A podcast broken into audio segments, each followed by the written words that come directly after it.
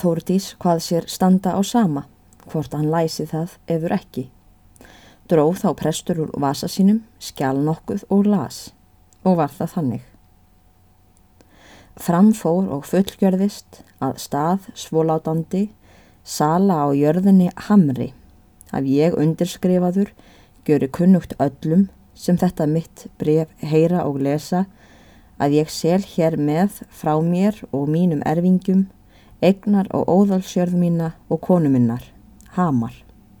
30 hundruð að dýrleika með 5 ásauðar kúgildum og 1 hundraðs og 20 álna landskuld samt öllu sem tjæðri jörð fylgir og fylgja ber og þeim landamerkjum sem að fornu verið hafa og vera eiga. Heiðurlegum, prestinum, sér að sigvalda árnasinni til staðar fyrir 120 ríkistali. Er skulu af honum betalaðir verða að mér afgengnum upp að fann máta að einn fjörðapart eður 30 ríkistali lúki hann til nafna míns Sigurþórs sem er sonur áður umgetins sér að sigvalda hverjir honum af mér eftir minn dag gefnir eru sem ein órjúmanleg testamenti skjöf. Öðrum fjörðapart eður 30 ríkistölum andverðisins beheldur velnæmdur sér að sigvaldi fyrir sig en skuldbindur og obligera sig og sína erfingja til eina heiðurlega grafskrift eftir mig að láta foranstalta og hana síðan í gildum römmum í kirkuna hér á staðnum láta upp hengja. Loks borgi hann 60 ríkistali til konu minnar og annara minna löglegara efrivingja. Meðan ég lifi áskiljiðu mér að hafa öll umráð tjæðrar jarðar, ágóða og profit, án alls tilkals af kaupanda. Segji ég svo velnendan sér að sigvalda, hérðan af, réttan eiganda að jörðinni hamri, riftalust af mér og mínum erfingjum. Hér að mót lofa ég sér að sigvaldi Árnason, pastor Loki, fyrir mig og mína erfingja alla framanskrifaða skilmála í öllum þeirra punktir og klósulus að uppfylla. Setjum við svo þessu okkar kaubrifi til staðfestingar nöfn okkar og hjáþrygt signeti að nærverandi þeim dándis mönnum heiðurlegum hreppstjóra augmundi Jónssoni og heiðurlegum bonda Erlendi Bjarnasinni. Aktum út súpra. Sigurður Jónsson, augmundur Jónsson hreppstjóri Sigvaldi Árnason og Erlendur Bjarnason. Bref þetta las prestur stilt og hægt en Þórtís húsfreyja hlustaði á og sáu menn henni ekki bregða.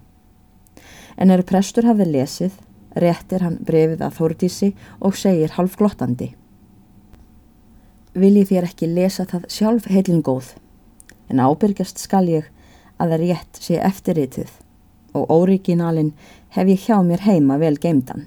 Hm, hm. Haldi þér að það sé svo illa um búið að því verði nekt eða hvað verðist ykkur vinir, segir hann við fylgdarmenn sína og sögðu þeir að sér síndist sem presti að ekki myndi hægt að við fengja það. Tekur þá prestur í annað skipti að þreyfa til kjólvasa síns og dregur hann þar upp sjóð ekki allir lítinn og setur á borðið leysir frá og segir síðan. Hér er þá ekki annað eftir en telji yfir peningana þórtis mín. En þessa heiðursmenn sem hér eru nærstattir hef ég beðið að vera við og sjá að ég afhendi yfir þá. Og heldi síðan peningunum á borðið og ætlaði að fara að telja. Þá stóð húsfreyja upp, gengur fram á mitt stofugólfið og segir til fylgdarmanna prests. Þar sem sóknarpresturinn hefur tekið ykkur hingað til að vera vittni sín við afhendingu peninga, þá er það sjálfsagt að þér vittnin um það sem þið sjáuð og heyrið. Og lýsi ég því þá yfir í ykkar áhærin að ég ekki tek við nokkrum skildingi af honum í því skinni að það sé andverði fyrir hamar. Og svo megi þið hafa það eftir mér að ég lýsi sér að sigvalda óheimildar mann að hverri þúfu í Hamars landaregn.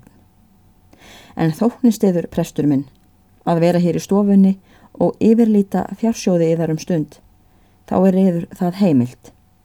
En ekki stend ég lengur hér, þar eða ég hygg að þér hafið aflokið brínasta erindinu. Fyrst að hugga mig eins og yðar embætti heyrði til, eftir lát mannsins míns, og þar næst að sína mér lítil deili þess hvað þér eruð óeigingjarn og hvers ég má vænta í mínum einstæðningsskap.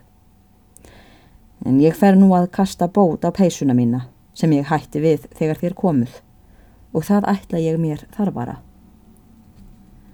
Þegar húsfreyja hafði sagt þetta, gekk hún úr stofunni en læsti henni ekki á eftir sér. Meðan húsfreyja lit dæluna ganga, stóð prestur sem agndofa og varð honum orðfall, en er hann sá Þórdísi ganga úr stofunni, kallaði hann eftir henni, en hún var þá þegar burtu. Prestur hugsaði nú líklega að húsfreyja myndi vonum bráðara koma aftur og fegst ekki um. Raðar hann peningonum á borðið og telur þá vandlega. Eftir það gengur hann um hríð um gólf í stofunni en er honum tók að lengjast um afturkomu húsfreyju ræðir hann til við annan fyldarmann sinn að hann gangi til baðstofu og kalli á hanna.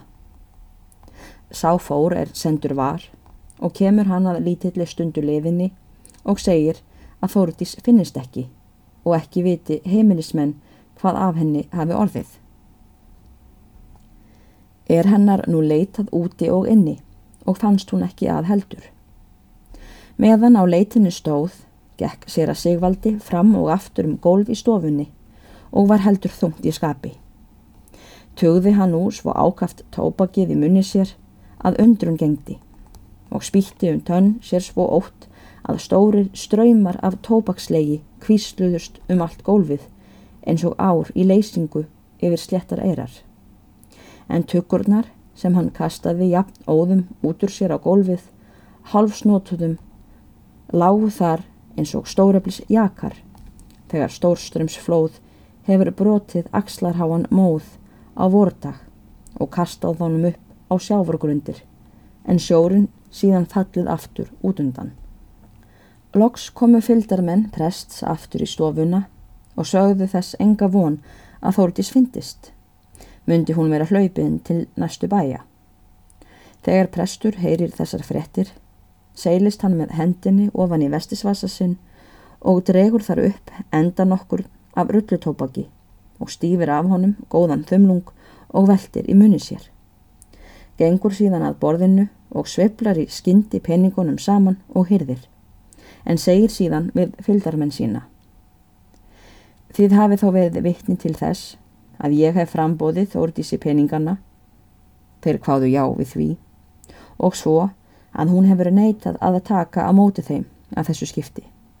Tek ég þá því aftur, en grunur minn er sá að ég svo aðeins frambjóði þá næsta sinn að hún sjáu sér sæmra að veita þeim viðtöku, eða að hafa ekkert.